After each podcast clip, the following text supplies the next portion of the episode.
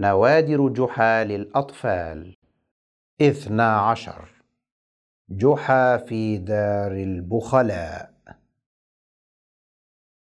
كان جحا مسافرا وفي الطريق هبت عاصفة شديدة فخاف أن يناله شر وأخذ ينظر حوله باحثا عن مأوى. رأى جحا بيتا ريفيا على بعد فقصد إليه وطرق بابه متسائلا. هل يوجد أحد هنا؟ فتح له صاحب الدار وسأله عما يريد. قال جحا أريد أن أحتمي بدارك حتى تسكن العاصفة. قال الرجل تفضل. كان الرجل يعيش مع زوجته في هذه الدار. ولكنه كان بخيلا جدا. لا يجود على محتاج برغيف ولا بجرعة ماء. فلما حان موعد العشاء ترك جحا جالسا وحده وصحب زوجته إلى غرفة أخرى فتعشيا وشبعا. وبعد قليل عادا إلى جحا يتحدثان إليه وشعر جحا بالجوع ولم يكن معه شيء يؤكل فأراد أن يطلب بعض الطعام ولكنه خجل فسكت متألما.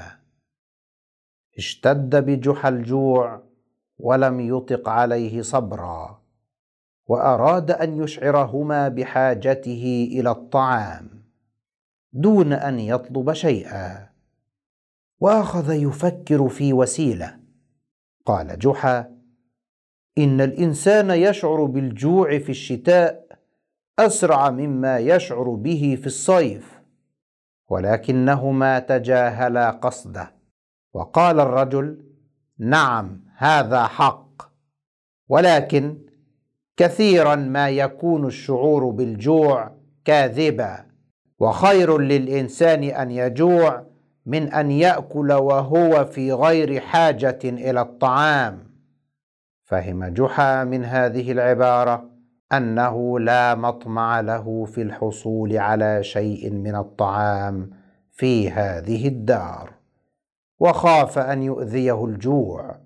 فقال في نفسه لا بد أن هناك وسيلة أخرى. قال جحا هل شربتما ذات مرة حساء الحجارة. فقال الرجل وزوجته في صوت واحد حساء الحجارة إننا لم نسمع بهذا اللون من ألوان الحساء قبل اليوم.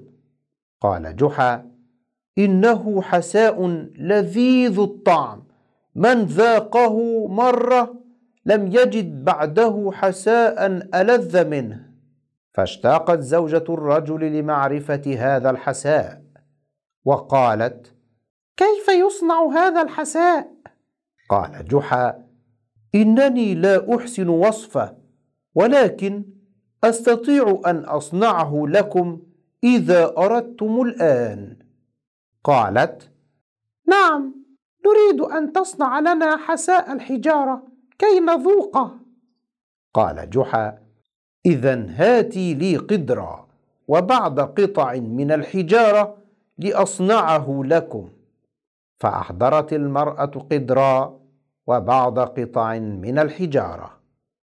أخذ جحا الحجارة فغسلها بالماء حتى صارت نظيفة تماما.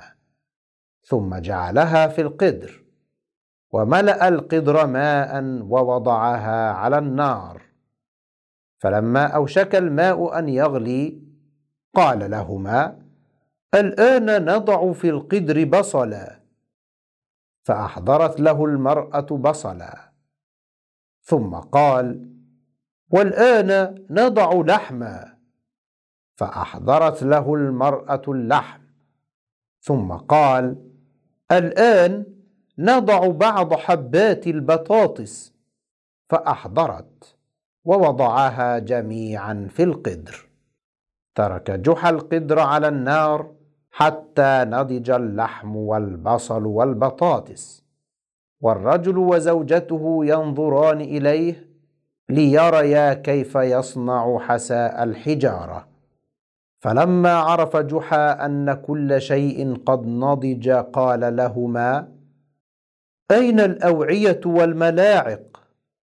فلما أحضرت المرأة الأوعية ملأ جحا لنفسه وعاء من الحساء واللحم والبطاطس والبصل. وهو يقول لهما خذا ما بقي في القدر فذوقاه فإنه حساء الحجارة لا نظير له في لذة المذاق. ولم يكن في القدر وقتئذ إلا الحجارة.